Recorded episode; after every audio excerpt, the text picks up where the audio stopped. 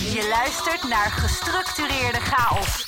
Een podcast over hoe het is om te leven met een visuele beperking. Hier is Sander van Merendonk. Zo, daar zijn we weer. De chaos is weer geordend, gestructureerd. Dus let's start met een nieuwe episode. Waar ben ik trots op in de afgelopen weken?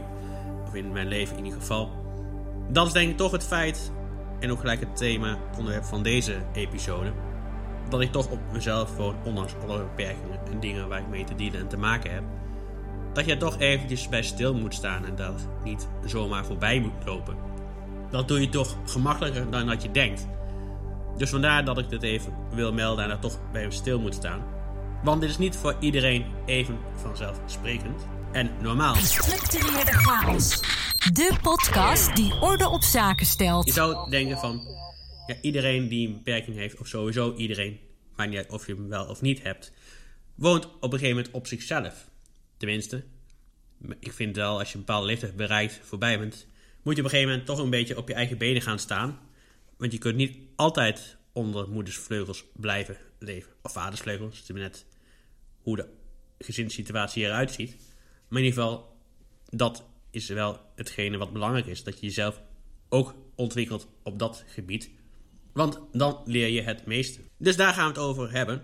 Op jezelf wonen. Dus een beetje mijn historie met dit thema.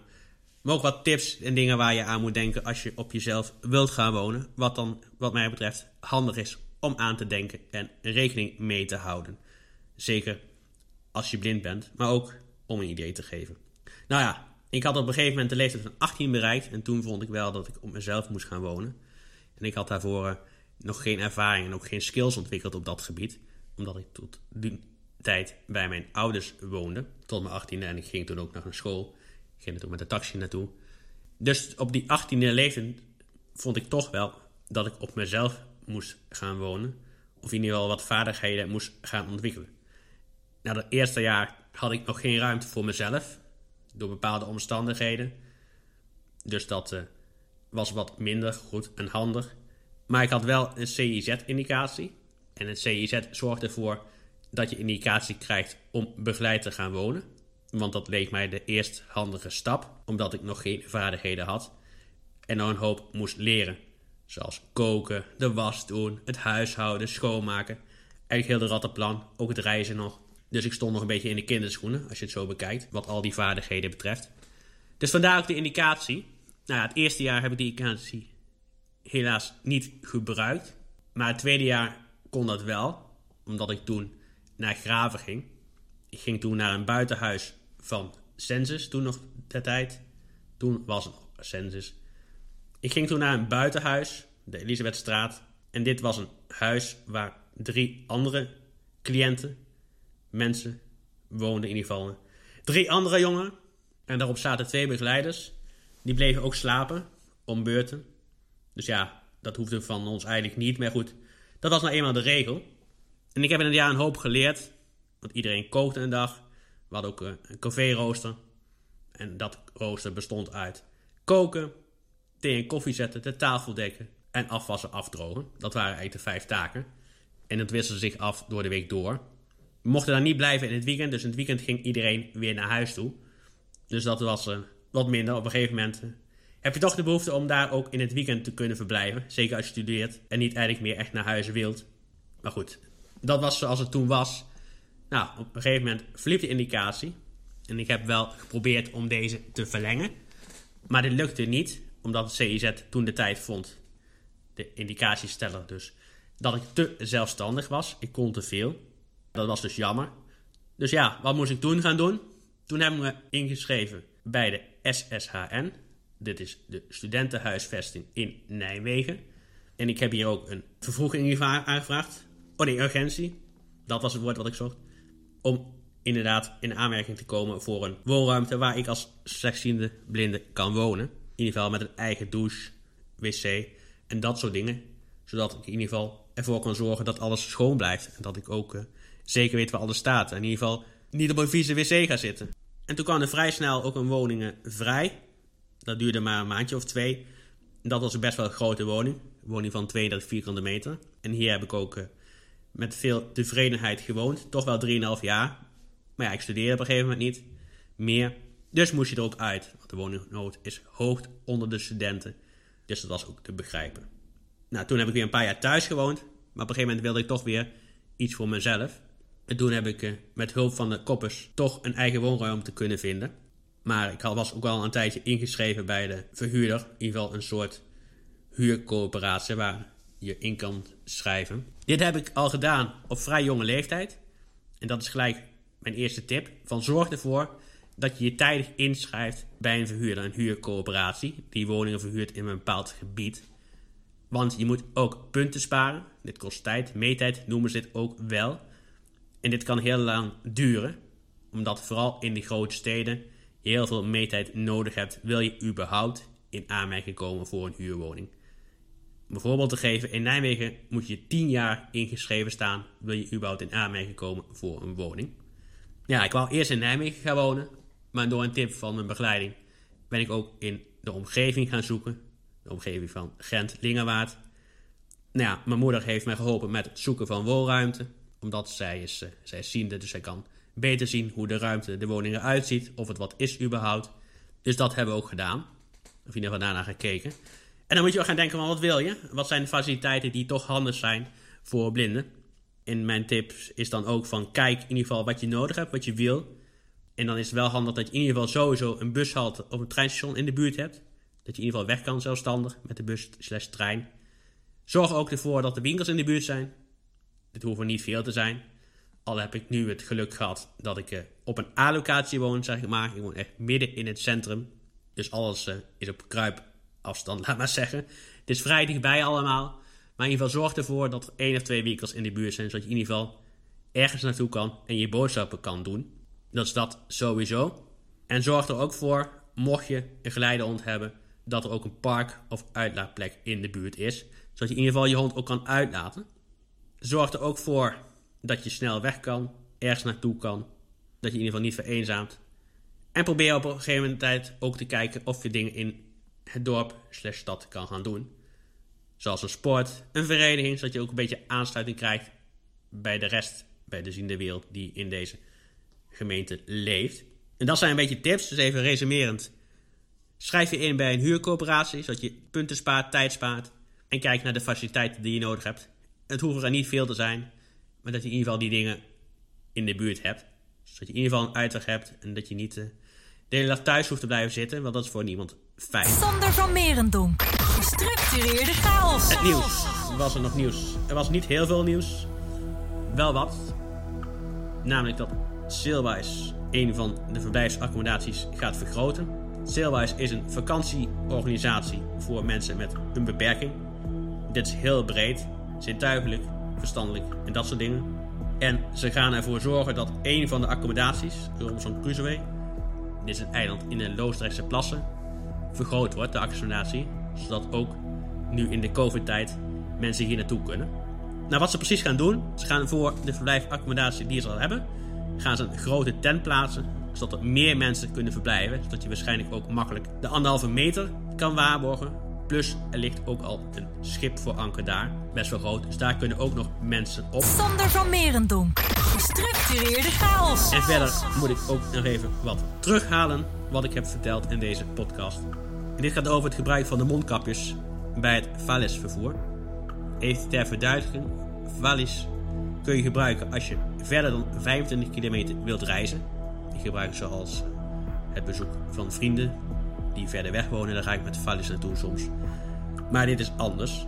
Je hoeft niet per se een mondkapje van het type 2 of IIR te gebruiken. Je kunt gewoon een papieren mondkapje gebruiken. Maar dus geen stoffen. Dus dit wil ik toch nog eventjes gezegd hebben. Dat er toch iets anders zit dan ik het uh, waarschijnlijk vermeld heb in een eerdere aflevering. Sander van Merendonk. Er zijn nog ook een aantal dingen van belang voor onze doelgroep. Dat is ook een stukje bewustwording in deze show. Nou, natuurlijk dat je nog steeds geleidehonden niet moet afleiden. Want dit kan zorgen voor gevaarlijke situaties. En dat is niet handig. Want als ze stoppen, weet je als blinde niet wat er gebeurt. Voor hetzelfde geld is een obstakel waar je niet langs kan. Maar dit is in dit geval dus niet zo. Omdat iemand een hond haait, dan geef je hem op de donder. Terwijl er gewoon helemaal niks aan de hand is. De hond hier niets aan kan doen en dit is ook niet begrijpt. Iets wat in het verlengde ligt en wat ook te maken heeft met geleidehonden, is dat ze vaak worden geweigerd, terwijl dit natuurlijk niet handig is en ook helemaal niet prettig aanvoelt. Ik heb het ook wel eens meegemaakt. Bij een restaurant was dat toen de tijd. Daar mocht ik niet naar binnen. En toen uh, was er nog geen VN-bedrag, zodat je kon zeggen van, uh, kijk, het staat in het verdrag, u mag mij niet weigeren. Maar in principe is het zo, als je de geleidehond weigert, dan weig je ook de persoon. Want de geleidehond hoort nou eenmaal bij de persoon zelf. Dus dat is gewoon niet fijn. Dat is ook heel depressief, heel confronterend. Dus probeer het gewoon te voorkomen. De geleidehonden zijn meestal heel schoon. De cliënt zorgt er ook altijd voor dat ze goed zijn. Verzorgd als het goed is, geborsteld, uiteraard en dat soort dingen. Dat er gewoon niks kan gebeuren. Maar goed, in sommige situaties begrijp ik het ook wel. Als je bijvoorbeeld een open keuken hebt, dan vind ik het ook niet fijn dat daar een hond in zou lopen, überhaupt. Dus dan kun je er misschien voor zorgen als cliënt, geleidehond gebruiker, dat je hem gewoon bij je houdt aan de riem, bij je tafeltje, of onder de slip de riem houdt. In ieder geval de geleidehond onder appel houdt. Dat betekent dat de hond zit of ligt bij je tafel. En dat hij dus niet de keuken in kan rennen, want ik kan me voorstellen als kok en bediening dat dit gewoon niet wenselijk kan zijn. Ook is het niet handig om een blinde mee de straat over te sleuren, ook al staat hij te wachten voor een zebrapad. Je weet gewoon niet of hij wilt oversteken. Je kunt misschien wel denken of zien aan zijn houding. Maar mijn advies is toch: vraag het gewoon even aan deze persoon. Want misschien wil hij helemaal niet oversteken. Misschien wil hij gewoon aan deze kant van de straat blijven staan. Dus dat kan ook heel onprettig zijn. Iets anders wat ook heel vaak gebeurt, wat ik ook ervaar als niet echt handig, is dat mensen bijna nooit opstaan in het openbaar vervoer. Het zou gewoon heel handig zijn als mensen zeggen van ga zitten. Het gebeurt ook wel eens, maar het kan beter en het kan meer. Die heb je natuurlijk ook wel in de bus. De eerste plek die ingericht voor minder valide. Maar goed, als je met de geleidehond bent, is deze plek gewoon meestal te krap. Dus wat ik doe, en ook nog steeds doe, is dat ik meestal naar het midden van de bus loop. Omdat je gewoon een hele brede plek daar hebt. En zeker met een hond is deze plek ruim genoeg. Kun je hier goed zitten. Alleen, het is niet echt handige plek voor je evenwicht. Zeker als je een asociale chauffeur hebt. Want die rijdt dan gewoon overal heen. En dan moet je soms een beetje een evenwichtsoefening doen. Om je echt op de plek te houden. Dus dat is niet altijd handig. Dus als een tip aan de chauffeur. Probeer gewoon iets minder hard en asociaal te rijden. Ook de geleidelijnen staan nog steeds bomvol met allerlei obstakels. Ik heb de afgelopen weken ook weer meegemaakt en gezien. Ook hier in het dorp. Vorige week stond hier een keer een auto geparkeerd met aanhangwagen erachter. Ja, dat begrijp je gewoon niet. Of ja, misschien dat die mensen zich daar niet bewust van zijn.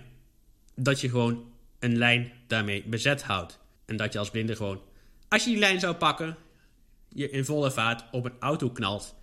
En dat moet je niet doen, of ja, niet doen. Je kunt gewoon niet voorkomen, omdat die lijnen voor onze doelgroep zijn natuurlijk. Dus dat is gewoon een stukje wat nog verbeterd kan worden, wat mij betreft. En soms zie ik ook geleidelijnen hier gewoon in het dorp liggen dat ze nergens naartoe leiden. Of dan heb je een stukje geleidelijn en dan stopt hij weer. Nou goed, soms ligt er natuurlijk ook een natuurlijke gidslijn. Dan is het een ander verhaal. Maar het is natuurlijk heel onhandig dat gidslijnen nergens naartoe leiden. Dus dat is dan een stukje beleid wat je moet aankaarten bij de gemeente. Dus dat is een, een ander verhaal en iets wat nog verbeterd kan worden wat mij betreft. Daarnaast kunnen de gemeenten natuurlijk ook een houten lijn vrij tegel bestellen. Die kunnen ze ernaast leggen. Dit is een blauwe tegel. Die kan gewoon besteld worden door de gemeente of een instelling. Op de site www.houdelijnvrij.nl En dan nog een laatste puntje, dat heeft te maken met COVID, is dat de blinde slechtziende niet echt goed de anderhalve meter kan zien, kan inschatten. Dus zorg ervoor als ziende dat je gewoon zelf die anderhalve meter in acht houdt. Gewoon een boog om de blinde slechtziende heen maakt. Want deze kan het gewoon ook niet zien en bijhouden. Over COVID gesproken, er zijn weer nieuwe maatregelen, veranderingen ingetreden. Zoals dat zwemles weer een beetje is begonnen. Mensen kunnen weer zwemmen, mijn kinderen, vanaf 15 maart. Want ze waren natuurlijk bang dat er eh, bepaalde ongelukken gingen gebeuren. Of in ieder geval eh, een hoop kinderen zouden gaan verdrinken komende zomer. Dat is natuurlijk ook niet echt de bedoeling. Daarnaast mogen er weer meer mensen in de winkels. Per vierkante meter mogen een bepaald aantal personen aanwezig zijn in een winkel. Dat waren de belangrijkste versoepelingen, wat mij betreft.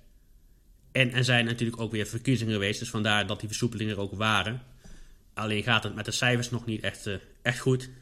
We zitten helaas rond de 6000, dus dat, uh, dat baart me eigenlijk wel zorgen. Maar goed, de tijd zal leren. Niemand uh, weet precies hoe dit gaat gebeuren. En COVID, ja, COVID was niet echt een onderwerp met de verkiezingen. VVD heeft helaas gewonnen.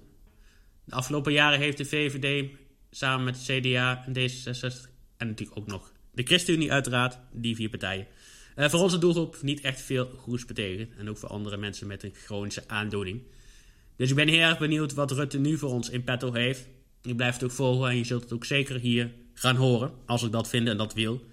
Dat er dingen veranderd moeten worden. En niet eens ben met, met bepaalde dingen. Nou goed, daarnaast nog een stukje insight information over mezelf. Ik ben nog steeds bezig met bewegen. Dit doe ik ook nog een paar keer per week. Ik ga veel naar buiten. Het wordt gelukkig ook meer weer buiten om te lopen. De lente begint weer, dus dat uh, is op zich wel optimistisch. Je hoort s ochtends ook weer de vogels vrolijk fluiten. Dus dat maakt mij weer optimistisch en vrolijk genoeg om naar buiten te gaan. Me een schop onder de reet te geven. En ook sport ik af en toe nog binnen hier. Op mijn cross trainen doe ik twee of drie keer per week. Dus ja, ik voel me wel steeds fitter worden, fijner worden.